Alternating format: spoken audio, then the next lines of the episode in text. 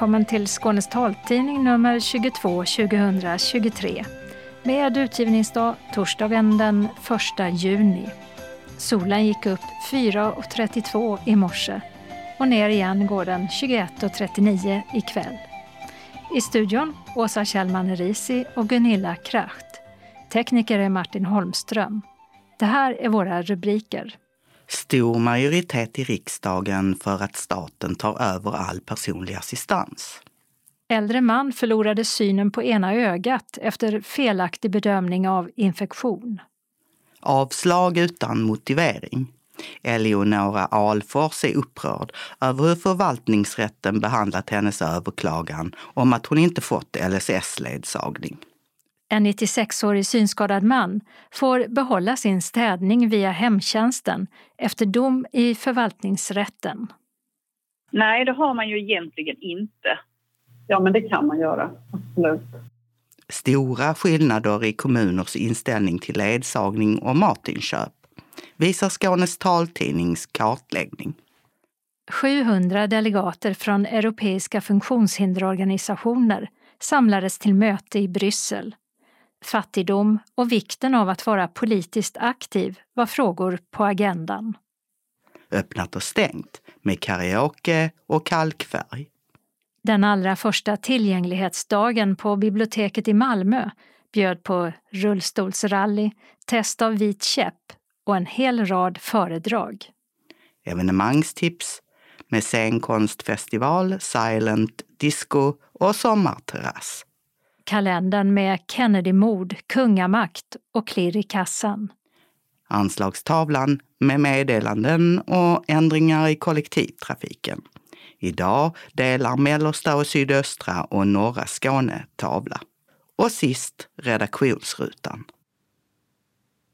Nu vill också Socialdemokraterna att staten ska ta över allt ansvar för den personliga assistansen enligt LSS. Det betyder att reformen nu har stöd av en bred majoritet i riksdagen. Tidigare har bland andra Liberalerna, Kristdemokraterna och Vänsterpartiet verkat för att staten ska ta över. Idag är huvudmannaskapet delat mellan kommunerna och staten. Kommunerna betalar en del av assistansersättningen de första 20 timmarna i veckan och Försäkringskassan handlägger de personer som har störst stödbehov kommunerna de med ett mindre. I mars föreslog, som vi berättade då, en statlig utredning att Försäkringskassan ensam bör ta alla beslut om personlig assistans och också hela finansieringen. Vi har landat i att ställa oss bakom utredningens förslag, säger Socialdemokraternas gruppledare i riksdagen Lena Hallengren till TT. Hallengren säger att personer med assistansbehov då får mer enhetliga och rättssäkra bedömningar över hela landet och att det också blir lättare att upptäcka fusk med assistansersättningen.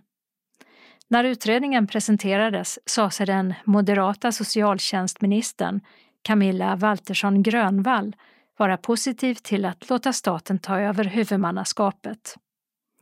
Utredningen föreslår att det sker den 1 januari 2026 och nu är det upp till regeringen att återkomma med lagförslag och en tidsplan. En man i 70-årsåldern förlorade synen på sitt ena öga efter en felaktig bedömning av en ögoninfektion på sjukhuset i Kristianstad. Mannen som har en konstgjord hjärtklaff kom till sjukhuset efter att ha haft feber i tre dygn. Han lades in med misstanke om sepsis, skriver Region Skåne på sin hemsida. Enligt anhöriga till mannen hade han redan då rodnad och värk i ena ögat. Ögonbesvären bedömdes vara en ytlig ögoninfektion och han fick antibiotikasalva, men besvären förvärrades. När han väl bedömdes av ögonläkare visade det sig att det rörde sig om en allvarlig bakteriell infektion inuti ögat. Han fick behandling men synen gick inte att rädda. Eftersom bedömning av ögonläkare dröjde, trots att anhöriga påpekat att ögat försämrades, går det inte att säkert utesluta att det med en tidigare insatt behandling hade gått att rädda synen på ögat skriver Region Skåne. Och en utredning har gjorts som visar att man inte tagit patientens och anhörigas oro på allvar.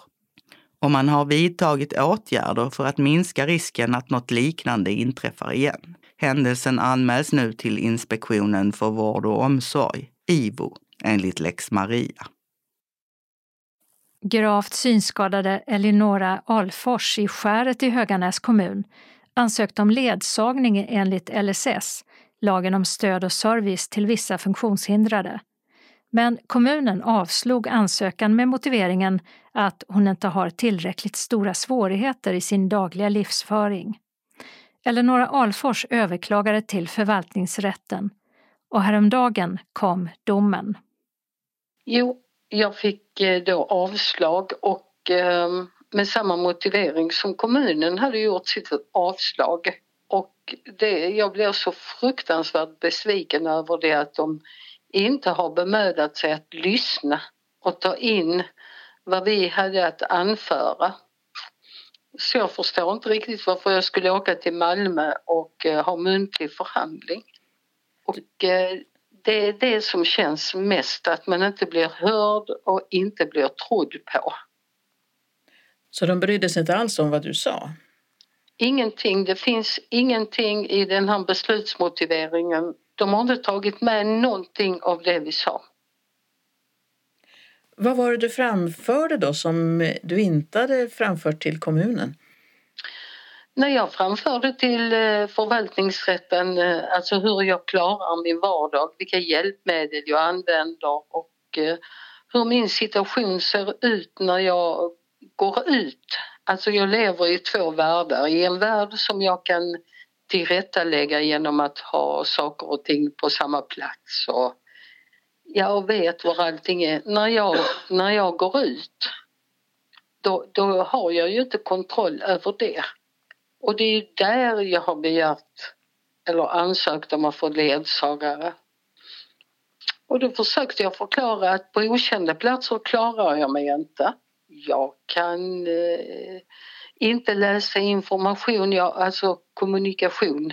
Det är ju inte bara att prata. Och jag kan inte åka och handla själv.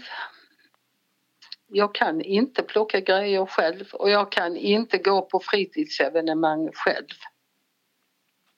Och nej, ingenting av detta har tagits in utan man har bara eh, klumpat ihop alltihopa och sagt att sammantaget så anser de inte att jag har så stor problematik. Hur känns det då? Det känns eh, som Don Quijote när han slogs med, mot väderkvarnar. Att eh, det här att få komma till förvaltningsrätten och överklaga att det bara är en skenmanöver för att eh, ja, man gör så. Men det har ingen effekt. Och eh, att man blir, alltså det är så nonchalant att inte lyssna och försöka förstå, tycker jag. Det är juristen Malin Palm i Helsingborg som på uppdrag av Synskadades riksförbund företräder Eleonora Alfors. Och hon är upprörd över att förvaltningsrätten inte motiverar sitt avslag utan bara konstaterar att Eleonora Alfors inte har de betydande svårigheter som avses i LSS. Frågan, den juridiska frågan är ju hur mycket svårigheter som krävs för att man enligt lagen ska anses ha betydande svårigheter. Vad är betydande i den frågan? Det är liksom den juridiska knäckfrågan kan man säga. Och där har ju blinda och gravt synskadade alltid förr i tiden ansetts ha betydande svårigheter. Men så kom det ett, ett rättsfall hos, som, som eh, bedömdes då i högsta instans, rättsfall från 1999 där en 81-årig man då som var gravt synskadad inte bedömdes ha betydande svårigheter. Och, och jag skulle säga att det är mycket det rättsfallet som man eh, lutar sig tillbaka på i de här bedömningarna nu. Vad jag tycker är märkligt är att vi drev ju liksom en bifråga i detta där vi ville att eh, domstolen skulle tydliggöra att det är viktigt att det görs en individuell bedömning i varje enskilt ärende. Vilket också har eh, liksom bedömts av eh, Högsta förvaltningsdomstolen att, att det är viktigt att det görs i den här typen av ärenden. Och det har ju domstolen överhuvudtaget inte kommenterat. Och det tycker jag är väldigt relevant för jag menar att en 81-åring som är synskadad har kanske inte lika betydande, alltså lika stora skillnader i sina svårigheter mot vad kanske en annan 81-åring kan ha i sitt liv. Medan en människa som kanske är mer mitt i livet, liksom som är gravt synskadad, har betydande svårigheter jämfört med andra i sin ålder och livssituation. Och jag menar att det är viktigt att man tar hänsyn till och att det görs en individuell bedömning i varje enskilt ärende. Kommer ni att överklaga nu till kammarrätten? Mm, det kommer vi göra. Tyvärr eh, är det svårt för enskilda att få prövningstillstånd i kammarrätten. Men varför det? Ja, jag vet faktiskt inte varför det är så. Men eh, för några år sedan läste jag att det var färre än 5 av enskilda personer som begär prövningstillstånd i kammarrätten som, som faktiskt beviljas ett prövningstillstånd. Och jag skulle inte tro att den siffran har blivit bättre till den enskildes fördel utan jag tror snarare tvärtom. I de ärendena, jag har drivit som sagt ganska många ärenden eh, för SRF och eh, vad jag kan konstatera utifrån det är att eh, myndigheten får ju nästan alltid prövningstillstånd medan den enskilde nästan aldrig får det trots att det, liksom, det avser ju samma rättsfråga. Alltså läget känns lite cementerat. Det känns som att det görs inga individuella bedömningar utan det känns som att alla kommuner eh, gör en slentrianmässig bedömning av eh, gravt synskadade och blindas rätt till att tillhöra LSS personkrets. Det känns som att man liksom bara pekar på den här domen från 99 och sen bestämmer man bara att eh, du är synskadad och du kan inte anses ha betydande svårigheter. Och då är det inte bara kommunerna som gör det utan domstolarna också? Ja, precis. Och därför har vi, alltså vi har ju velat ha upp frågan eh, till allra högsta instans, Högsta förvaltningsdomstolen. Och nu har vi inte haft så många prövningar i kammarrätten tyvärr. Och jag har egentligen bara haft ett hittills där jag har eh, försökt att få prövningstillstånd i Högsta förvaltningsdomstolen men där inte sådant prövningstillstånd meddelades. Eh, vilket jag tycker är väldigt synd i och med att vi har en så pass cementerad eh, bild av personkretsbedömningen så att jag tycker nästan att det, det hade behövts att Högsta förvaltningsdomstolen tog ställning och konstaterade i så fall att nej, inte heller en människa mitt i livet ska anses ha betydande svårigheter om man är eh, synskadad eller eh, blind. Skulle du säga att systemet är rättsosäkert idag? Jag tycker det. Jag tycker det är rättsosäkert att den enskilde har så svårt att, eh, att få, få sin sak prövad i högre instans. Och jag tycker också att det är rättsosäkert när den enskilde inte får en klargörande motivering på sin dom Eh, så att de inte riktigt förstår varför.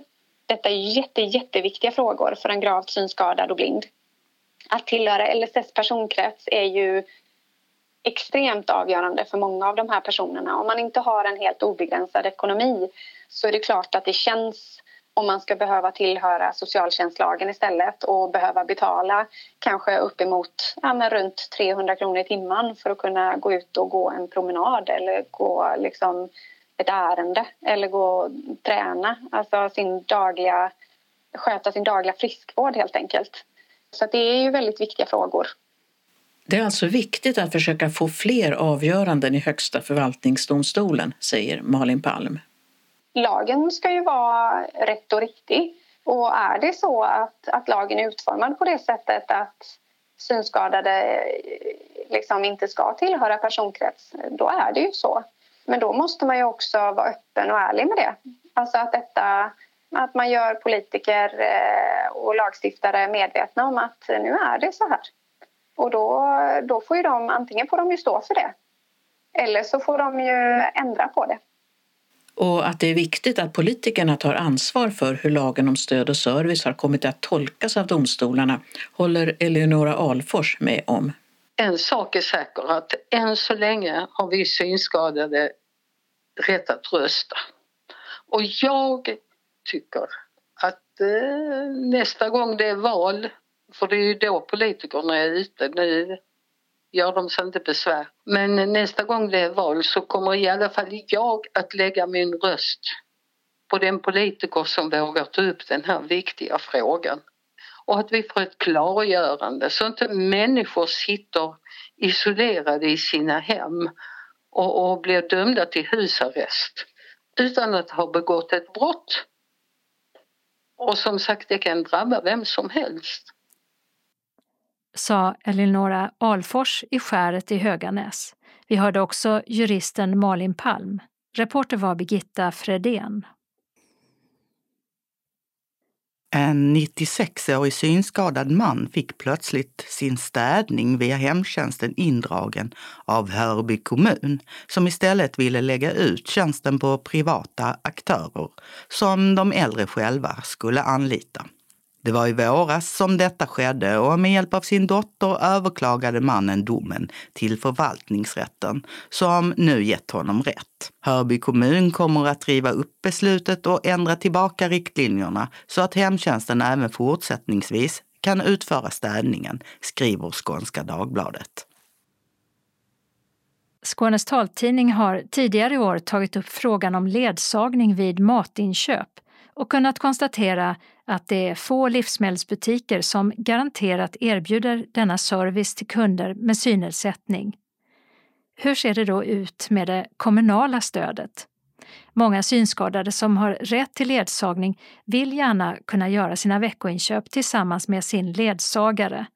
Men det är inte alla kommuner som tillåter detta och kommunala insatser vid matinköp sköts oftast via hemtjänsten som dels är avgiftsbelagd och dels ska ske på begränsad tid. Skånes taltidning har gjort en rundringning till cirka hälften av Skånes 33 kommuner för att försöka ta reda på vad som gäller. Och det visade sig vara väldigt olika beroende på var man bor. Först ut är Hässleholms kommun och Malena Silvan, verksamhetschef för funktionsnedsättning, stöd och service som fick frågan om invånare med synnedsättning kan använda sin ledsagning till att gå och handla mat. Ja, det kan man göra antingen om det är specificerat i beslutet eller om det inte finns någon specifikation vad det ska användas till när den enskilde själv bestämmer vad tiden ska användas till. Och det kvittar om det är enligt SOL eller LSS så att säga? Ja. I Hässleholm finns det alltså möjlighet att använda sin ledsagning till att veckohandla oavsett vilken lag som reglerar att man beviljats insatsen. Men det blir ändå en extra kostnad på matkassen för den som har ledsagning enligt SOL eftersom den är avgiftsbelagd. Och det kan ju ha betydelse med tanke på att matpriserna stigit med 20 procent det senaste året. Också i Höganäs kommun är ledsagningen avgiftsbelagd. Förutom när det gäller besök till vårdinstanser, fotvård och frisör. Men det är inte helt omöjligt att få använda sin ledsagning till matinköp. Enligt Ann-Marie Vikander som är LSS-handläggare där. Alltså vi utreder ju behovet som den enskilde har och har man inlämnat att det är just för det ändamålet man behöver ha sin ledsagarservice så får man ju utreda och fatta ett beslut utifrån frågeställningen. Ja. Men jag anser inte att eh, det är uteslutet att man skulle kunna gå i affären och handla varor så att det, det, är i alla fall inte så att, att man direkt blir hänvisad till hemtjänst eller någon annan kommunal insats om man ansöker om det så att säga. Nej. Landskrona har samma upplägg som Höganäs angående vad som räknas som avgiftsfri ledsagning. Men för matinköp är det en annan serviceinsats som gäller där. Enligt Nina Svärd som är kommunal biståndshandläggare med utökat ansvar. Ja, då är det ju som så att i Landskrona stad så har vi olika eh, insatser för detta. Eh, när vi pratar om ledsagning eh, då menar vi besök på vårdinrättning, hos tandläkare, hos frisör eller fotvård. Eh, när det sen då handlar om att man vill ha medfölje eh, för inköp i butik eh, då benämner vi det som ett servicebistånd eh, och som då går eh, i form av inköp istället. Eh, men då kan man få personal med sig. Eh, då går man och handlar i närliggande butik som har ett fullgott sortiment. Då kan man inte välja den billigaste butiken utan det måste vara den närmaste butiken. Ja, precis. Där är en begränsning i det. Att eh, tiden som man har, alltså vi, vi jobbar lite med schablontider eh, och tiden för ett, ett veckoinköp, det brukar vi titta på ungefär som en timme liksom. Så är det närmast liggande butik så att säga som gäller. Praxis är att eh, kläder och varor och sånt som ska provas, det kan den enskilde med beslut om ledsagning utföra tillsammans med sin ledsagare. Johannes Bragazzi är enhetschef för handläggarenheten i Kävlinge kommun. Men när det gäller dagligvaruinköp såsom veckovisa inköp liksom av mat så är det ett separat beslut och utförs inte under ledsagning. Hur kan man få hjälp med det då om man är synskadad och bor i Kävlinge kommun? Men till exempel då så kan man ju få stöd utifrån socialtjänstlagen eh, och då är det dagligvaruinköp och då kommer personal eh, med surfplatta hem till en och då gör man ett onlineinköp hos den leverantören som Kävlinge kommun har avtal med idag. Och så blir det hemleverans. Johannes Blagazzi tycker att det är viktigt att som kommunal tjänsteman fundera kring vad som kan ingå i en tjänst som ledsagning och vad som avgör det. Jag tycker att frågan är intressant. Liksom, det görs lite olika eh, och då tycker jag det är jätteviktigt liksom, att vi börjar fundera på är det av hävd eller vad är det som, som är bakgrunden i detta. I Kristianstad är ledsagning enligt SOL gratis. Men inte heller där har man rätt att använda insatsen för att veckohandla mat. Det säger Gertrud Eklund, enhetschef på myndighetsenheten på omsorgsförvaltningen i kommunen. Nej, det har man ju egentligen inte. Utan inköp är ju en insats eh, enligt socialtjänstlagen och inryms liksom inom hemtjänsten. Och ledsagning är en annan insats som man då kan bli beviljad antingen enligt socialtjänstlagen eller eh, enligt LSS. Det är lite olika syften med den beroende på om det är enligt socialtjänstlagen eller LSS. Men eh, ledsagning enligt socialtjänstlagen är ju för att eh, utföra fritidsaktiviteter om man har svårt att ta sig från punkt A till punkt B till exempel. Det kan också vara att eh, utföra sällan-inköp, alltså kanske handla kläder eller något annat så, men inte veckoinköp. Och ledsagning enligt LSS? Det är i princip detsamma, men det är ju tydligt definierat i lagstiftningen vad insatsen ska vara till för. Eh, att eh, träffa släktingar, eh, ta del av kulturutbudet, kunna utöva sin religion, sina politiska uppfattningar och så vidare. Så matinköp ingår egentligen inte i ledsagningen varken enligt LSS eller SOL så som ni i Kristianstad tolkar lagen? Det gör det inte, nej. Men det här då hur man avgör om man ska kunna få använda ledsagning till till exempel matinköp. Vem är det liksom som bestämmer det så att säga? Är det ett politiskt beslut eller är det eh, den som handlägger ärendet? Ja, det var en bra fråga faktiskt. Gällande ledsagningen så är det ju riktlinjer vi har i Kristianstad kommun. Vad är det du blir beviljad ledsagning till? Eh, så det finns ju en riktlinje kring varför en person blir beviljad ledsagning. Inköpet ser ju annorlunda ut. Det är ju att man behöver ha hjälp att få hem dagligvaror eh, oftast varje vecka. Men finns det någonting som skulle kunna göras så att man skulle kunna få eh, ledsagning till matinköp om man tänker sig att det är som en social aktivitet för den här personen också. Alltså, skulle det gå att ändra eh, eller är det i så fall ett politiskt beslut som måste fattas? Alltså, vi gör ju individuella bedömningar utifrån vad det är personen ansöker om. Så man har ju alltid rätt att ansöka om allting, eh, om det nu finns sociala skäl eller annat. Så. Men, men just vad gäller inköpet så blir det ju lite märkligt när vi har en annan insats som tillgodoser dina behov. Eh, LSS ser ju precis likadan ut överallt. Det som skiljer i olika kommuner är ju kommunens bedömningar. Socialtjänstlagen är ju annorlunda för det är ju en ramlag så där kan kommunerna mycket mer eh, bestämma vad ska ingå, vilka insatser har vi och vad har vi för riktlinjer kring det. I Lund fattade politikerna i kommunfullmäktige i höstas ett beslut om att invånare som beviljas ledsagning enligt SOL kan få upp till 12 timmar i månaden gratis. Men den insatsen kan inte användas till att veckohandla mat.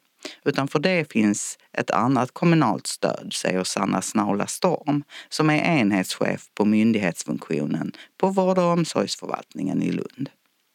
Om vi börjar med att utgå från socialtjänstlagen eh, så har vi i Lund att alla som inte kan göra sina inköp själva om man behöver handla mat så erbjuds man i första hand att göra sina inköp digitalt via nätet. Att man beställer hem mat tillsammans med en personal som kan hjälpa en och att personal sen kan hjälpa till också att packa in varorna när de levereras hem till dig.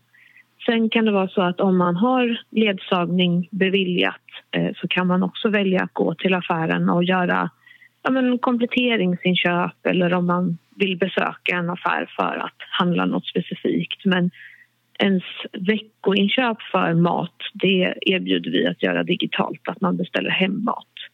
Ingrid Westerlund heter jag och jag är verksamhetschef eh, inom vård och omsorg i, i Eslövs kommun. Då undrar jag om en synskadad person i Eslöv blir beviljad ledsagning enligt SOL. Får den personen då mm. lov att gå och handla mat tillsammans med ledsagaren? Nej, vi har ju ett inriktningsbeslut på att eh, om man behöver är behov av eh, inköp så sker det via Mathem och digital eh, beställning. Och det kan man få hjälp med. Då kan eh, hemtjänsten så att säga komma och hjälpa till med det. Och är det specificerat vad man ska använda ledsagningen till? Eller? Ja, så är det ju. För det är ju ett behovsbestämt. Det kan ju vara sociala aktiviteter, det kan vara promenader, det kan vara den delen. Eh, när det gäller ledsagning enligt LSS, är det samma sak där att man inte kan handla mat med ledsagaren? Ja, man kan inte göra det med LSS i heller. I Malmö stad är det två olika förvaltningar som har hand om ledsagarservice. På funktionsstödsförvaltningen där Kristina Sonders är enhetschef för myndigheten handläggs stöd enligt LSS. Och hon säger att det är en individuell bedömning som avgör vad ledsagningen får användas till. Ledsagarservice är ju till för att eh, motverka eller bryta social isolering och möjliggöra då för Eh, den eh, insatsberättigande att eh, kunna få ta del av samhällslivet och, och leva som andra. Det är ju det så lagens intention är.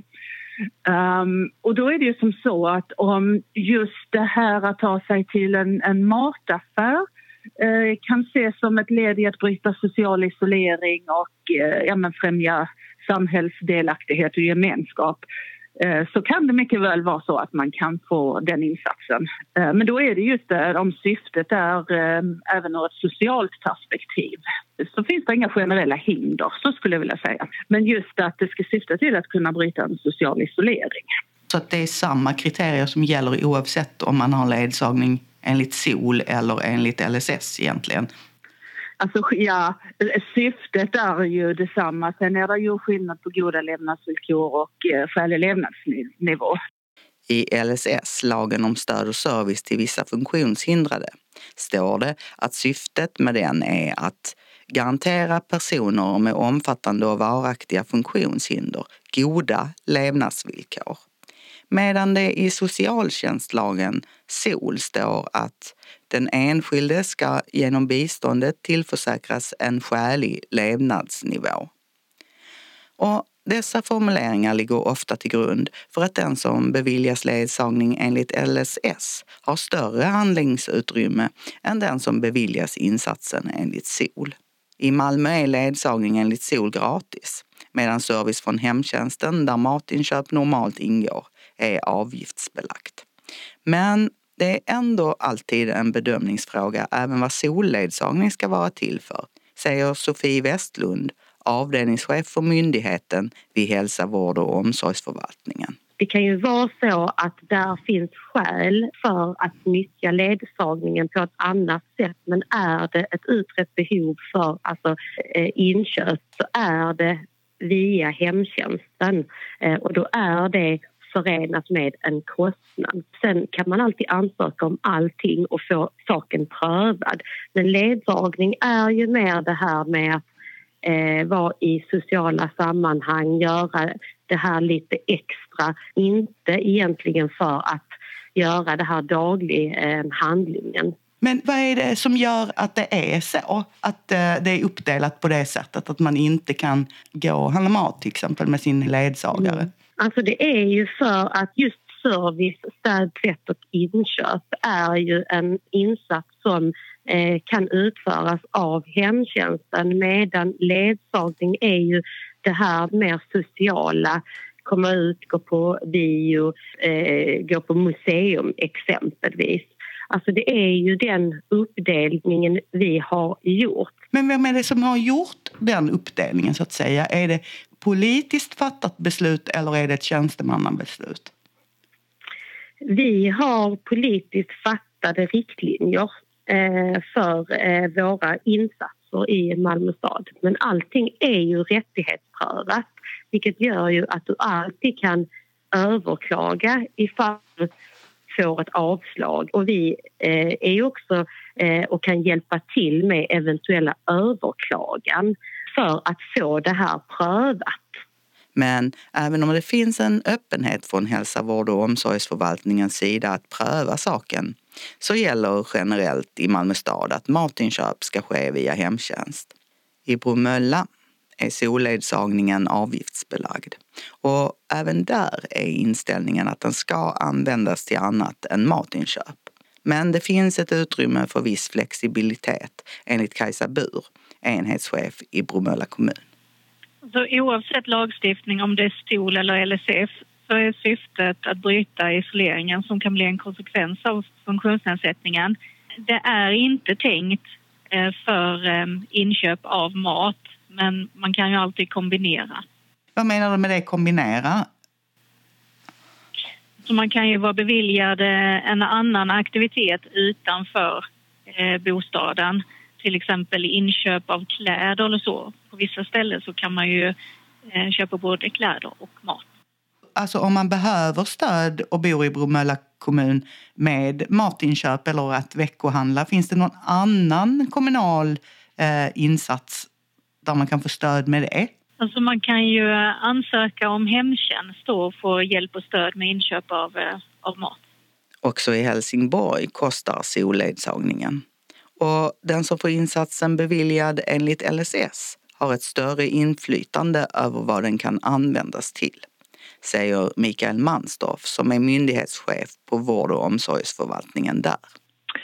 Det skiljer ju sig lite. Är det så att du har ledsagning eh, via LSS så är det ett uppdrag och då är det ju så att då kan man ju tillsammans med sin ledsagare ha en dialog om eh, de aktiviteterna som man eh, ska göra under de tiderna som ledsagaren är hos en. Eh, och där eh, skulle jag vilja säga generellt att det är lite mer flexibelt. När det kommer till att man beviljas ledsagning enligt socialtjänstlagen hos oss så är det så att där är det inte på det viset att man sköter inköp eh, med den ledsagaren. Finns det någon annan kommunal tjänst eller något stöd man kan använda sig av? Ja, är det så att du ehm, har ett behov eh, av hjälp när det gäller inköp och blir det då beviljad det eh, så tillämpar vi något som heter digitala inköp i eh, Helsingborg. Att man då beställer varor och då har vi ett avtal idag med Mathem som kör hem matvarorna till den enskilde. Den, den möjligheten finns absolut. I Ystad är ledsagningen gratis men kan inte heller användas för att handla mat. Då hänvisas man till hemtjänsten, säger Lena Jakobsson som är enhetschef och verkställer ärenden inom ledsagning, både enligt SOL och LSS. Eh, I första hand så är ledsagningen för att utföra fritidsaktiviteter tillsammans såsom simning, bad, tennis, allt vad det nu kan vara. Inte för att gå och handla, det räknas inte som en fritidsaktivitet i Trelleborg där Marie-Louise Magnusson Pedersen är första handläggare på myndighetsenheten. Är det tydligt avgränsat vad ledsagningen som är avgiftsbelagd kan användas till? Ledsagning till läkarbesök eller till aktivitet. Det är, de två som vi använder oss av. Så bedömer man antal timmar och på ungefär vilka aktiviteter och kulturupplevelser man vill gå på så kan man få ledsagare till det. Det här med till mat så har vi ju det på entreprenad. Det vill säga att vi har privata utförare som utför städ och inköp och tvätt. Så oavsett om man har ledsagare eller inte så är det inte det man använder ledsagningen till eftersom det är någon annan som sköter det så att säga. Utan man kan däremot i aktiviteten till exempel, om man har aktivitet så kan man göra eh, mindre inköp till exempel eh, i en kiosk eller så här. Men det är ju inga matinköp vi pratar om. Ja. Ledsagningen debiteras enligt hemtjänsttaxan i Simrishamn och Anneborg Andersson, enhetschef på handläggarenheten i kommunen, säger att man kan få använda den till att handla mat. Ja, men det kan man göra. Absolut. Det gäller inte alla, men, men man säger inte nej rakt utan man gör individuella bedömningar. Sen vet jag inte. Vi har ju ganska nyligen fått till oss via politiken att man i månaden får man max bevilja fem timmar ledsagning om det inte finns några individuella orsaker till, till någonting annat. I Skurup är ledsagningen kostnadsfri och även där finns en öppen inställning till att en person med synnedsättning ibland använder ledsagningstid till att handla mat, säger Jenny Rytting som är uppdragssamordnare i Skurups kommun. Eh, ja, absolut, det kan man göra. Eh, sen är inte ledsagningen enbart till för att man ska gå och handla mat utan det får man ju lägga in i så fall i, eh, i det man planerar. Men absolut får man lov att gå och handla. Hur ser du på vad man ska använda ledsagningen till? Jag tycker det är viktigt att, att man använder ledsagningen till att komma iväg och göra någonting hemifrån. All ledsagning sker ju utanför hemmet. Antingen om det är något fritidsintresse, det kan också vara att man följer med och tränar. Nej, men egentligen är väl inte ledsagningen till för att man ska använda och, gå och handla. Eh, men i dagens läge så är det ju kanske så att, att man får tänka om lite grann. Och det viktiga är ju att eh, det inte är ledsagaren som sköter handlingen och sköter allt runt omkring utan att man har med sig personen och att man följer personen till affären och att det är personen som handlar. Eh, så länge man involverar personen i fråga så skulle inte jag se något hinder i det. Det sa Jenny Rytting som är uppdragssamordnare i Skurups kommun och har hand om bland annat ledsagning. Reporter var Gunilla Kracht. I förra veckan träffades funktionshinderorganisationer från hela EU i Bryssel för att anta ett manifest och diskutera viktiga funktionshinderfrågor. Ifrån Sverige kom det en delegation på 21 personer och totalt var det runt 700 delegater på mötet. I den svenska gruppen ingick tre personer med synskada, varav en var SRF Skånes ordförande Maria Torstensson, som också sitter med i Synskadades riksförbunds styrelse och är generalsekreterare för den europeiska synskadeorganisationen European Blind Union. Och det var många viktiga frågor för personer med funktionsnedsättning som togs upp, säger Maria Torstensson. Exempelvis fattigdomen hos funktionsnedsatta som har spritt sig och blivit väldigt stor ute i Europa. Och det är den ju faktiskt här i Sverige också. Och det gäller ju alla funktionsnedsatta, det gäller och framför allt kanske oss många gånger. I och med att arbetsmarknaden ser ut som den gör. En sak som man kanske kan tänka på som vi också fick höra det är att arbetsmarknaden kan faktiskt vara bättre, är bättre på andra håll än i Sverige i Europa. Så att jag trodde ju att kanske att det var ungefär likadant överallt eller att det var sämre på andra ställen. Men det är inte alltid så utan en hel del länder har lite bättre förutsättningar att få arbete eh, och försörjning. När du talar om fattigdomen, vad, vad var det som togs upp då? I och med att folk inte har eh, en bra försörjning, att länderna sparar på funktionsnedsatta. Eh, man sparar på assistans, man sparar på allt vad det är för någonting. Det är bara att se här i Sverige när man sparar på färdtjänst, ledsagning, allting. Och då blir ju det naturligtvis så att eh, för att få hjälp så måste man betala för att få hjälp, kanske. Och då eh, har man inte råd med det helt enkelt. Fanns det förslag på hur man skulle kunna göra där? Nej, något sånt diskuterades inte utan det var tal från ministrar, det var tal från eh, parlamentariker och mycket tal ifrån olika erfarenheter eh, från olika funktionsnedsatta ute i Europa som har varit med om olika händelser. Och många saker som hur saker och ting har löst sig. Eh, en sak som man pratade mycket om det var hur viktigt det skulle vara, eller är, att funktionsnedsatta är med i politiken och är med och, och för våra frågor framåt. Det var nästan den största delen och det var likadant som förra gången när jag var i Bryssel här för ett halvår sedan på European Disability Day. Då var det också det som var det största budskapet. Det var att vi måste synas mer och finnas med mer i allt ifrån lokalt, regionalt, landet och Europa. Överallt måste vi synas mer för att få våra frågor förstådda. Och har det hänt någonting där i Sverige? tycker jag inte.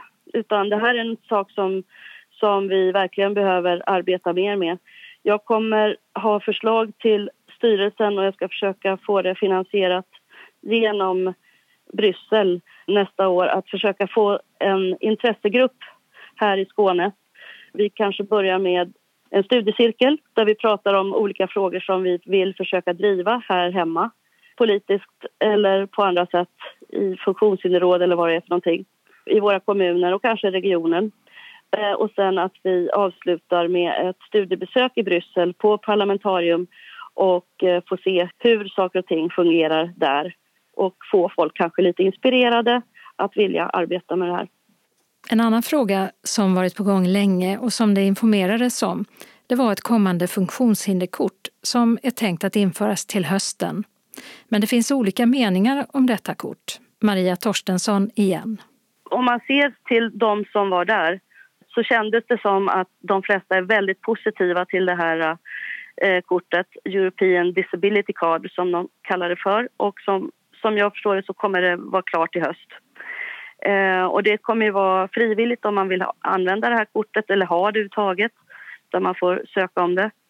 Men det det kan hjälpa till med det är ju att man kan eh, lättare vara ute och resa i Europa till exempel om man behöver hjälp med ledsagning som synskadad eller om man behöver hjälp med sin rullstol om man sitter i en rullstol. Så att det ska vara en hjälp, men eh, det är lite, väldigt olika åsikter om detta i Sverige. En del tycker att det kan vara bra, eh, andra tycker att vi vill kanske inte vara inringade i en grupp på det viset. Och jag förstår båda åsikterna men i och med att det är frivilligt så behöver man inte använda det här kortet om man inte vill. Men hur skulle det hjälpa en om man kommer till till exempel Milano med tåget eller något sånt?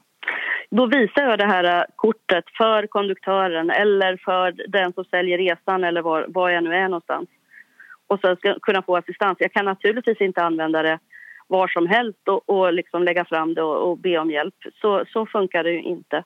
Utan det är ju där det finns eh, möjlighet, där de har den typen av hjälp att erbjuda.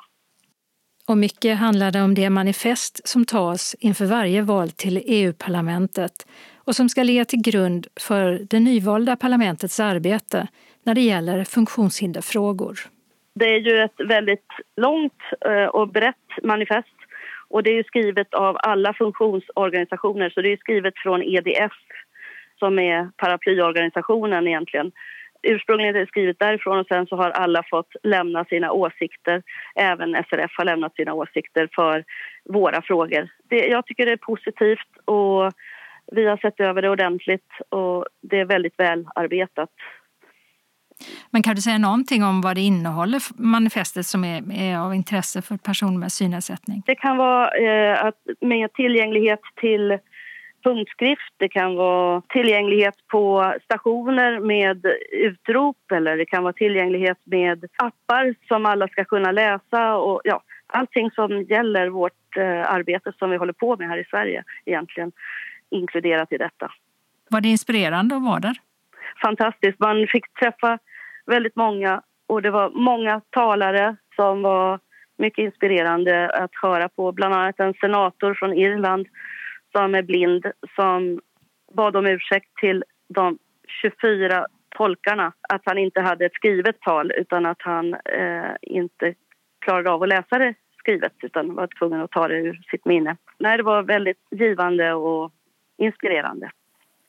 Det sa Maria Torstensson, SRFs delegat vid mötet för europeiska funktionshinderorganisationer som arrangerades av European Disability Forum tillsammans med EU-parlamentet.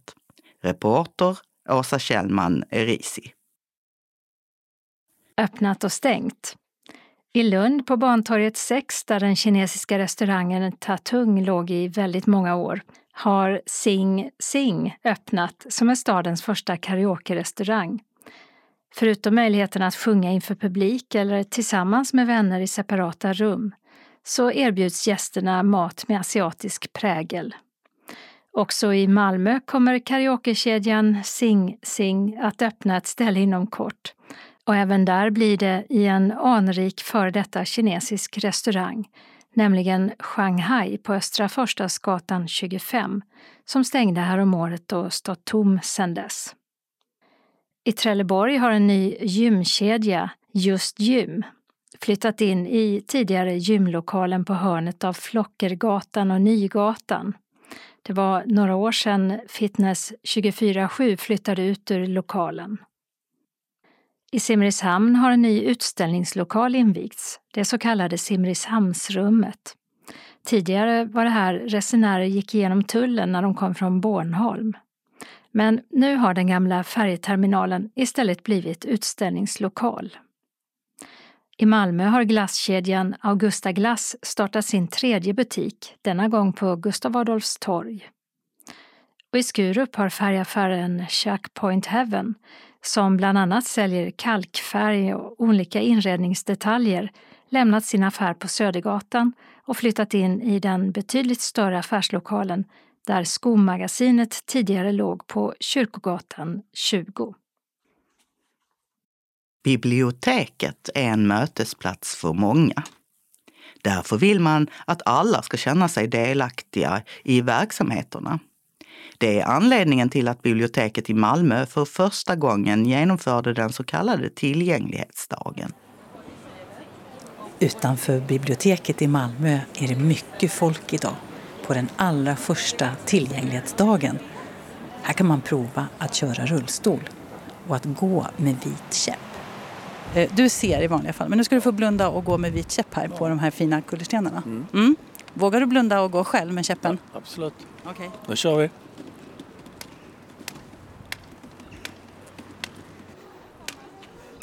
Vad hände där?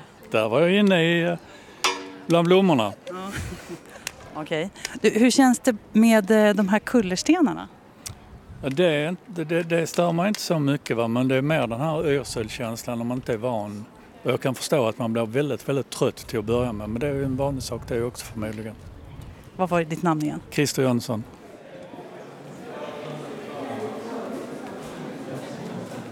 Inne i den väldiga salen i biblioteket sänder Fontänhuset radio och utställarna samsas om utrymmet. Det är både syntolkar, försäljare av synhjälpmedel, en rad föreningar och Malmö universitet som är med idag. Och biblioteket håller den vanliga verksamheten igång. Så här är mycket folk. Ja, jag ser att du har en vit käpp. Ja, precis. Hur var ditt namn igen? Kristin Hult heter jag. Eh, och du är här på tillgänglighetsdagen. Ja. Vad betyder tillgänglighet tycker du? Så tillgänglighet det har jag väl ägnat mig åt i stort sett hela mitt liv eftersom jag är arbetsterapeut och har jobbat med, med, som synpedagog också i många år. Jag tycker det är jätteviktigt att vi, vi eh, lyfter fram det här. Och tillgänglighet är väldigt många olika saker. För mig som ser lite grann så har det väldigt mycket handlat om att göra det tydligt med texter och tydliga miljöer och så för att det är så väldigt mycket som är otydligt. Vi har, eh, det handlar om nivåskillnader, det handlar om glasbyggnader som inte är markerade. Det handlar om texter i pastellfärger som vi inte kan läsa. Alltså. Det finns så mycket vi kan göra för att vi ska kunna klara oss själva så länge som För det kräver samhället av oss. Hur ser det ut med tillgängligheten här då, på biblioteket till exempel? Du, jag har varit med här när biblioteket byggdes en gång. Där vi, då fanns talboksbiblioteket här inne i en liten lokal. Och redan då när man byggde det, och det är många år sedan nu, men då, då var det, alltså satt skyltarna hur högt upp som helst. Och i, i, i hissen så, så, gick den, jag tog bilder på det redan då, för jag, jag har föreläst ganska mycket om det här. Så att jag, jag, eh, har det blivit bättre då tycker du? Nu, har jag, nu, är ju inte jag, nu läser jag ju bara talböcker så jag är ju väldigt sällan här på biblioteket, jättelänge sedan jag var här. Så jag vet faktiskt inte. Jag hoppas ju det, men jag vet inte. Men du, hur mycket, hur mycket tycker du att man känner till det här, alltså gemene man i samhället? Vi, vi som ser och vi som hör och vi som har ben att gå på. En stor okunskap. Alltså, man kan ju se det, det här med tydlighet och, enkelhet och så. Det, det, vi, vi... Hur mycket ser du? Jag ser väldigt lite. Jag ser ju bara jag har ett litet kikarsynfält så att jag, i det ser jag ju färger och det, därför har jag väldigt god nytta av färger. Ja. Men du kan se mig nu? Jag kan se, men jag ser inte ditt ans, ansiktsuttryck eller dina ögon eller så. Va? Men jag ser ju att du har lite ljust hår, att du har hörlurar på dig kan jag säga. Ja, men det stämmer. Och så en blå jacka. Ja, det, ja, det kan jag nog. Ja, men den är blå eller svart. Men jag, så jag ser lite grann. Skånes taltidning träffade också synpedagogerna Jonna och Karin från synmottagningen i Malmö. Och de poängterade att det finns mycket kvar att göra för att öka tillgängligheten för människor med synnedsättning, även om behoven varierar. Det är väl eh, ganska upp till eh, hur personen har, har det och vilken eh, nivå av synnedsättning personen har. Så det är väl lite varierande hur tillgängligt det är. Men det är klart att det finns mycket, mycket hinder också i omgivningarna. Och där har, tänker jag att när man designar nu att det kanske är viktigt att designa för alla. Det är ju, även om vi kanske vissa är det nödvändigt att vi har tillgänglighetsanpassningar men det gynnar oftast den stora gruppen. Till exempel vad då? Ja men låt oss säga det här med att ha tydligt, skriva text på tydligare sätt. Eh, gynnar ju även de som inte har någon synnedsättning och svårt att se. Ehm, samma sak ute när vi går i miljöer så göra den tillgänglighet gynnar ju alla. Men det är nödvändigt för vissa och eh, oftast bra för alla. Reporter på tillgänglighetsdagen var Agneta Nordin. Och på vår hemsida finns länkar dels till en serie, Ljus och kontraster för en tydligare vardag, där Kristin Hult, som intervjuades i reportaget, medverkar. Och även en länk till ett månadens ansikte med Kristin Hult. Evenemangstipsen börjar med en syntolkad tv-serie från UR som precis haft premiär. Den heter Allt om porr och vänder sig till högstadieelever.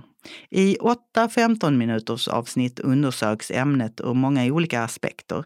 Exempelvis hur porr påverkar relationer och könsroller och vem som tjänar pengar på porrindustrin. Syntolkningen är gjord av Helena Frank och uppläsare är Matilda Kärneld. Den syntolkade versionen visas på onsdagar 21.30 i SVT 24 och finns även tillgänglig på UR Play.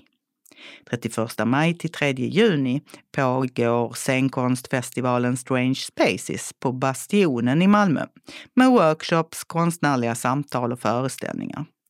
Några exempel ur programmet är Åskådarens resa med Teater Teatron den 31 klockan 19 som är en musikalisk och interaktiv föreställning om migrationer, kärlek och civilkurage. Ett samtal med community-teatergruppen Teater Interakt, vars föreställningar baseras på dokumentärt material, blir det 20.45 den 1 juni. Den 2 juni samma tid är det ett serbiskt gästspel, La La, som är en folkloristisk clownshow. Och den 3 juni klockan 19.20 ges gästspelet Last Days som är en monolog av och med Samuele Caldongetto. Antingen kan man köpa ett dagspass för 200 kronor som gäller för alla programpunkter under den aktuella dagen. Eller ett festivalpass för alla tre dagarna som kostar 500 kronor. Dessa säljs hos Kulturcentralen och det fullständiga programmet finns på kulturcentralen.se. Adressen till Bastionen är Norra Vallgatan 28.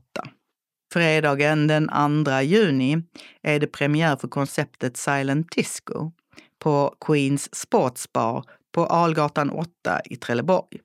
Besökarna har på sig trådlösa hörlurar och dansar på ett dansgolv till musik som en DJ spelar. Lördagen den 3 juni är det återinvigning av Gamlegårdens bibliotek i Kristianstad som har genomgått en renovering och bland annat fått en ny entré. På programmet står bland annat ett författarsamtal klockan 12 med Shadia Mohamud som gett ut flera kokböcker och driver det populära Instagramkontot Shadias Kitchen med över 62 000 följare. Adressen är Bataljonsvägen 2. Naturum på Stenshuvud i Kivik firar sitt 50-årsjubileum i år med ett späckat program. Bland annat blir det vandring på temat naturvård söndagen den 4 juni. Och den 5 juni är det naturnatt från 21.30. Och då blir det en sommarnattsvandring med möjlighet att uppleva bland annat nattfjärilar. Den 10 juni klockan 10 börjar en fjärilsguidning. 17 juni är det vandring på temat vilda blommor och 18 är det bi och humlevandring. Naturnatten, blomstervandringen och bi och humlevandringen är gratis medan naturvårdsvandringen kostar 50 kronor per vuxen deltagare och 20 för barn.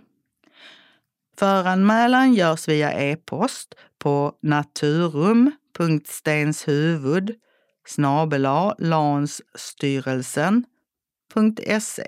Den 10 juni är det fest på återinvigda HIP, Malmö stadsteater. Mellan 10 och 15 är det familjedag med bland annat kostymprovning i fröken Fridolinas loge och Skäggiga damens sagostund. Från klockan 18 och fram till midnatt är det teaterfest. Och på det späckade programmet står bland annat konsert med Marie Götesdotter och band, teaterquiz och kostymutförsäljning. Det är fri entré och adressen är Kalendergatan 12. Sommarterrassen kallar mejeriet i Lund sin uteservering med tillhörande scen som har öppet från 17.30. På onsdagar mellan 14 juni och 16 juni kallas arrangemanget Quizterrassen och det är frågesport med Kristoffer Jonsson från klockan 20. På torsdagar 15 juni till 17 augusti byter det namn till Humorterrassen och arrangeras från klockan 20 av humorklubben Oslipat. Fredagarna går under namnet Jazzterrassen 14 juli till 18 augusti och från klockan 20 är det som namnet avslöjar jazzkonserter. Och det är musikföreningen Plektrum som håller i det hela. Först ut är den danska gruppen Sara da Silva Quartet. Veckan efter är det också danskt i form av Caroline Bugala och Alice Carreri kvartett. Och de följande veckorna är det i tur och ordning Concarong med Sofie Hellborg, dansk-spanska El Perito Quattro, danska Kira Martini Quintett och sist ut är Orchestra Six. Biljetter bokas via Tixter och kostar 50 kronor för quizterrassen, 115 för humorterrassen och 165 för jazzterrassen. Adressen till mejeriet är Stora Södergatan 64. Lasse Stefans startar sin sommarturné den 29 juni i Hua Röd, som vi berättade om i förra numret. Men det finns två möjligheter till att lyssna på det populära dansbandet i sommar. 8 juli gästar de dansbandsfestivalen Ekebo i Munka Ljungby där de står på scen klockan 19. Ekebofestivalen pågår 6 till 8 juli och den 6 och 7 spelar bland annat Perikles som även står på scen den 8. Då också Danne Stråhed och Grönvalls spelar. Tre dagars biljett kostar 1400 och dagsbiljetter 645 på fredagen och lördagen och 410 på söndagen. Nortic säljer dem. Den 26 juli gästar Lasse Stefans Bjärsjölagårds slott i Sjöbo kommun tillsammans med Danne Stråhed. Tixter säljer biljetter som kostar från 495 till 550 kronor. Biljettinformation Kulturcentralen 040 10 30 20. Tixter 0771 47 70 70. Nortic 0455 6197 00. Kalendern för vecka 23 år 2023 börjar med måndagen den 5 juni då Bo har namnsdag. I Danmark firas grundlagsdagen som är en flaggdag men inte en officiell nationaldag. Det är också världsmiljödagen som instiftades i samband med FNs första miljökonferens, Stockholmskonferensen 1972, för att uppmärksamma miljöproblemen i världen. Det är 60 år sedan den brittiske försvarsministern John Profumo fick avgå efter den så kallade Profumo-affären, då det avslöjades att han haft en relation med en kvinna samtidigt som hon också ska ha haft ett förhållande med en sovjetisk ambassadtjänsteman, vilket kan ha lett till att brittiska försvarshemligheter läckt till Sovjet. Och det är 55 år sedan den amerikanske presidentkandidaten Robert Kennedy blev skjuten till döds i Los Angeles. Han var senator för delstaten New York och bror till president John F Kennedy som sköts ihjäl fem år tidigare. Skådespelaren och komikern Johan Rheborg fyller 60 han är bland annat känd som Percy Nilegård i humorgruppen Killinggänget och Fredrik Schiller i tv-serien Solsidan. Tisdagen den 6 juni firas Sveriges nationaldag, som ju är helgdag sedan 2005. I år är det en särskild jubileumsdag eftersom det är 500 år sedan den unge adelsmannen Gustav Eriksson valdes till svensk kung vid riksmötet i Strängnäs. Och det var i samband med detta som Sverige blev ett självständigt land. Gustav Eriksson fick som regent namnet Gustav Vasa och han var kung fram till sin död 37 år senare. Kungamakten höll officiellt i sig ända tills denna dag för 50 år sedan, då riksdagen i en första omröstning antog en ny regeringsform, där formuleringen “kungen äger att alena styra riket” byttes ut mot “all offentlig makt utgår från folket”. Och efter den andra omröstningen året därpå blev kungens uppgifter enbart ceremoniella. Dock hade parlamentarismen införts redan 1917 och någon formell kungamakt hade inte utövats sedan 1914. Det är namnsdag för Gustav och Gösta och på Tele2 Arena i Stockholm spelas damernas final i Svenska kuppen i fotboll mellan Hammarby och Häcken. Onsdagen den 7 juni är Roberts och Robins namnsdag. Denna dag för 35 år sedan avgick den socialdemokratiska justitieministern Anna-Greta Leijon efter den så kallade Ebbe Carlsson-affären, där det avslöjats att en bokförläggare med justitieministerns goda minne utförde privatspaningar kring mordet på Olof Palme.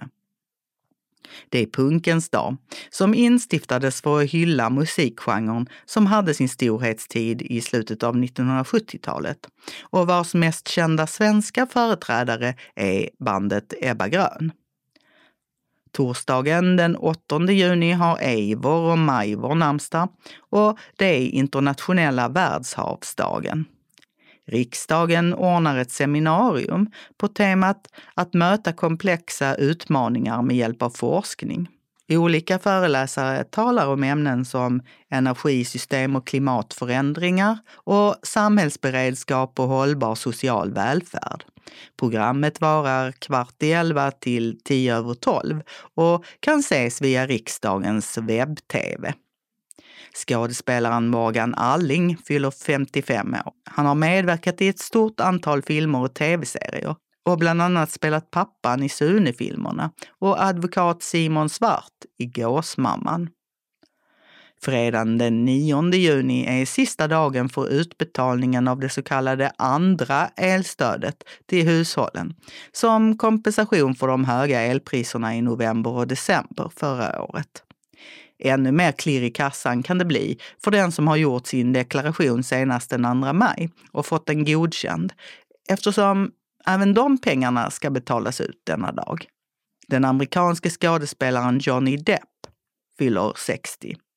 Han slog igenom på 1980-talet med tv-serien 21 Jump Street och blev efter det tonårsidol.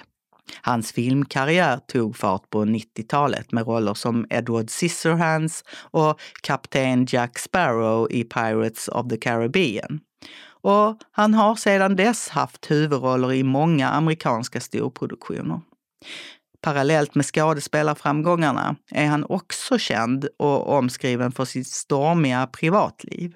2022 inledde han en extremt uppmärksammad förtalsrättegång mot sin exfru skådespelaren Amber Heard, där hon blev dömd att betala 10 miljoner dollar i skadestånd till honom efter att ha skrivit en artikel om hur hon blivit misshandlad av en före detta man som inte nämndes vid namn.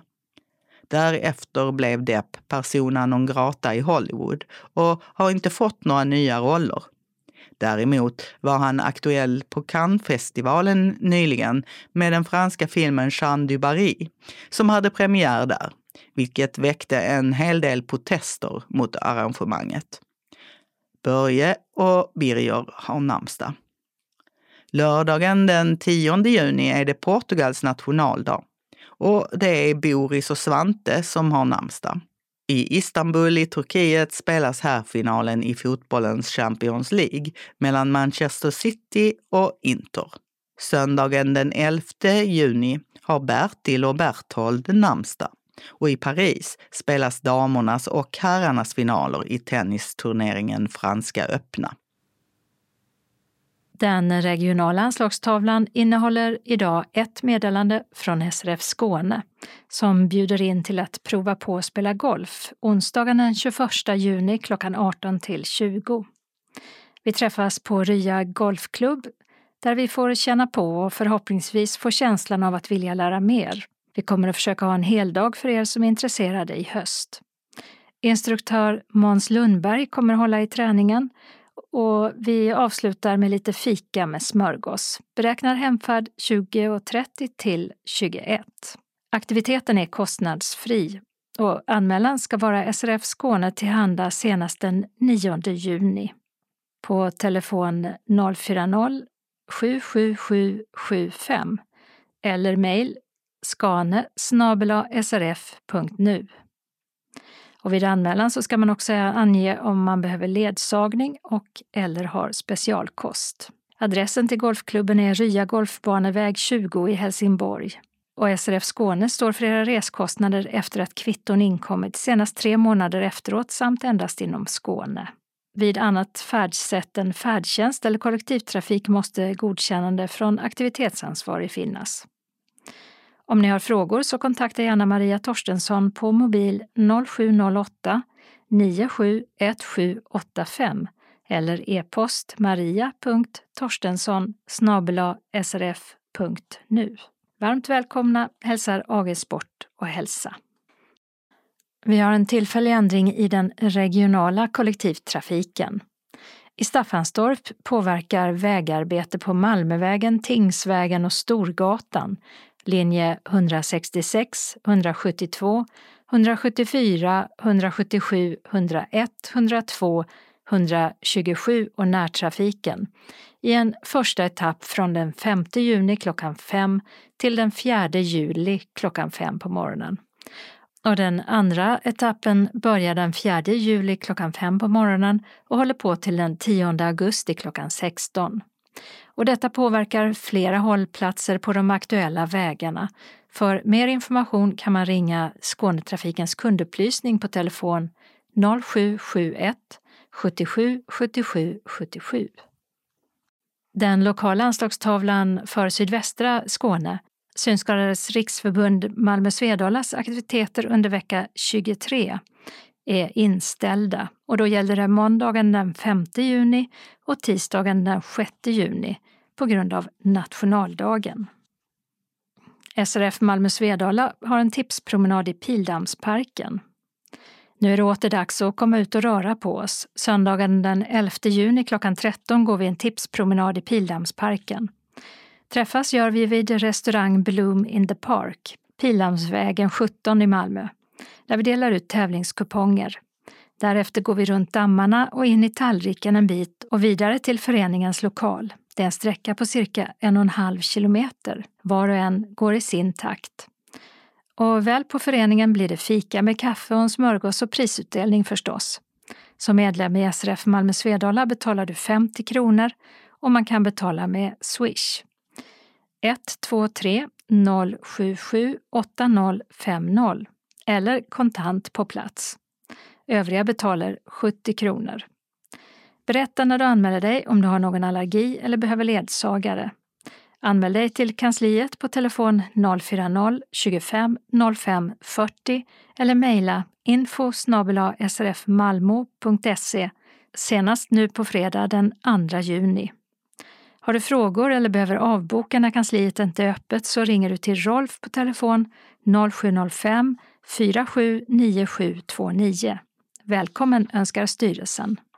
SRF Malmö Svedala bjuder också in till matkaravan på Möllan tisdagen den 13 juni klockan 11 till 13. Du vandrar, doftar och smakar dig igenom två timmar och upplever mat från olika kulturer och regioner. Karavanen anpassas efter säsong och vilken guide som leder turen, så ingen tur är den andra lik. Turen tar cirka två timmar och det kommer att vara fyra stopp runt Möllan mellan tre av stoppen är det lite kortare gångavstånd, men det sista kommer att ligga cirka 500 meter bort. Kolla gärna vädret innan och klä dig därefter. Anmäl dig till kansliet senast nu på fredag den 2 juni. Berätta vid anmälan om du har allergier, behöver specialkost och om vegetariskt alternativ önskas samt om du behöver inbetalningskort. Säg även till om du behöver ledsagning. För detta betalar du 250 kronor till föreningens bankgiro 192-9645 eller swish till 123 077 8050 senast torsdagen den 8 juni. Glöm inte att skriva matkaravan och namnet på deltagaren. Ops, det är ingen kontantbetalning. Boka din resa till Kina Center, Möllevångstorget 7 i Malmö för att vara framme klockan 10.45. Hemresan beställer ut till 13.30 och någon av oss stannar kvar till alla fått sina färdtjänstbilar. Du kan ringa Maj-Britt Ryman på telefon 070-324 66 09 om du får något problem under dagen. Hjärtligt välkomna hälsar styrelsen. Och så ett meddelande från SRF Malmö Svedala i samarbete med Malmö sommarscen. Alltid fri entré och alltid underbar himmel. Lördagen den 18 juni klockan 19 till 20 spelar Malmö symfoniorkester på Pildammsteatern. Eftersom det kommer mycket folk träffas vi redan klockan 17.45 till 18. Ta med sittunderlag och gärna egen picknickkorg. Glöm inte att ta med vatten. Under denna sommarkväll får du uppleva smakprov ur den kommande säsongen på Malmö Live konserthus när Andreas Hansson dirigerar orkesterns repertoar. Öppna öronen och förbered dig på en fantastisk resa med klassisk musik. Vi har bokat tio platser. Anmäl dig till kansliet senast nu på fredag den 2 juni. Glöm inte att meddela vid anmälan om du behöver ledsagning. Boka bilen till Jan Erikssons väg 43, parkeringen bakom teaterscenen i Malmö. Har du frågor eller behöver avboka när kansliet inte är öppet så ringer du till Maj-Britt. Hjärtligt välkomna önskar styrelsen. Och vi har ett till meddelande från SRF Malmö Svedala om Malmö sommarscen. Onsdagen den 21 juni klockan 19 till 20.15 blir det podden Är du? För första gången inför publik med Kalle Lind, Jeanette Rosengren och trubaduren Pontus Stenqvist på Pildammsteatern. Vi träffas redan klockan 17.45 till 18. Ta med sittunderlag och gärna egen picknickkorg. Vi har reserverat platser på första raden. En sommarvärd från Malmö sommarscen och ledsagare från SRF Malmö Svedala möter upp på adressen och som vanligt stannar någon av oss kvar till alla bilar kommit. Hur låter musikens Malmö? Det får vi svar på när de självutnämnda Malmökännarna Kalle Lind och Jeanette Rosengren för första gången gör scenshow av sin populära podd Är du? Med avstamp i Baltirullan-kupletten om Baltiska utställningen 1914. Det diskuteras och analyseras en hel radda låtar och artister som gett oss perspektiv på staden. Det blir nostalgiskt och framåtblickande, känt och okänt, glatt och grovt och tungrots är i både rocken och rollen. Publiken kan säkert komma att engageras både som allsångare och frågeställare. Anmäl dig till kansliet eller mejla senast måndagen den 12 juni. Glöm inte att meddela vid anmälan om du behöver ledsagning. Har du frågor eller behöver avboka när kansliet inte är öppet så ringer du till Maj-Britt. Hjärtligt välkomna hälsar styrelsen. Och till sist så bjuder SRF Malmö Svedala in till midsommar. Nu är sommaren här på allvar och det är dags för den sedvanliga midsommarfesten.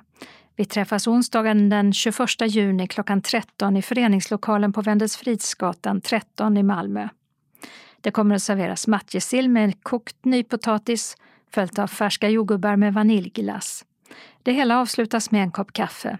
Alkoholhaltiga drycker betalas kontant på plats till självkostnadspris.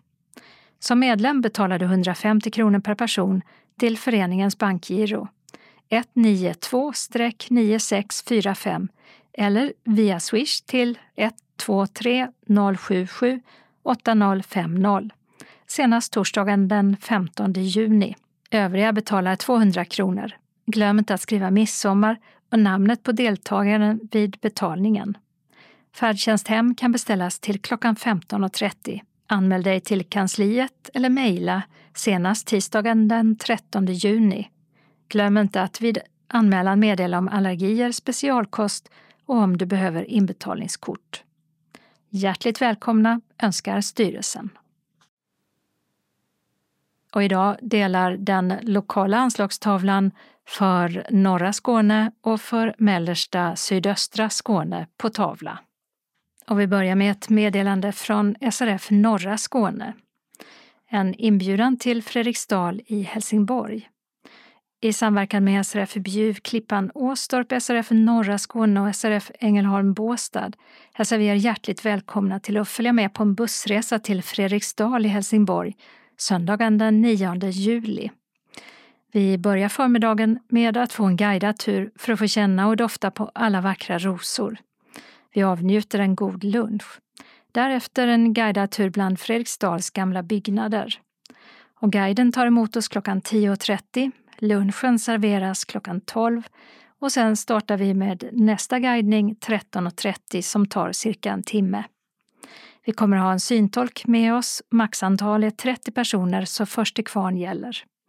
Ledsagaren måste vara beredd att hjälpa flera.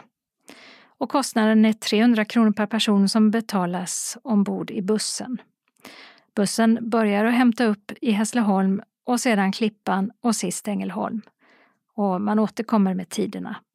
Anmäl dig senast den 15 juni till SRF Norra Skåne, Anna-Lena Päckilä, telefon 070-36 00 647 eller mejl alp.ledarhund gmail.com.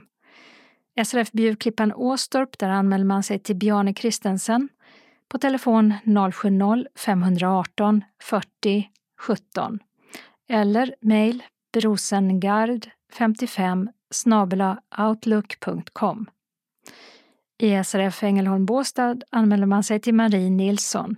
Telefon 070-914 40 58 eller marie.nilsson74 gmail.com. Hjärtligt välkommen hälsar samverkansgruppen SRF Norra Skåne. SRF Norra Skåne har också en inbjudan till bussutfärd. Och här är det till Statarmuseet i Bara, söndagen den 4 augusti. Vi börjar med lunch, potatis och purjolökssoppa med bröd, smör och ost. Dricka ingår. Vi får en guidad tur i museet och därefter är det fritt fram att klämma och känna på allt som finns där. Innan hemfärd blir det kaffe med dopp.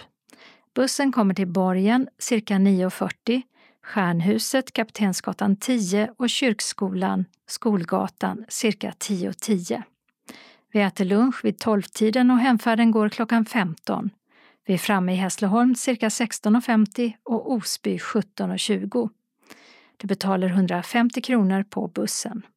Maxantal är 25 personer, begränsat antal ledsagare och den ledsagaren måste ledsaga två personer. Anmälan till Anna-Lena Pekkele senast den 1 juli. Hjärtligt välkomna önskar styrelsen. Så ett meddelande från SRF Sydöstra Skåne som hälsar att du är varmt välkommen till en härlig kväll i Surbrunnsparken måndagen den 19 juni. Vi grillar hamburgare och korv och får en fantastisk underhållning av Elisabeth Saar. Vi träffas i Surbrunnsparken och i kabinen och börjar grilla vid 17 och håller igång till klockan 20. Om det är fint väder så är man ute, om inte så sitter man inne. Ta med det du själv vill dricka till grillfesten och för detta betalar du endast 50 kronor. Adressen är Surbrunnsvägen 24, men man tar Surbrunnsvägen ner till Första gatan till vänster, in på Aulingatan och kör in i parken till kabinen.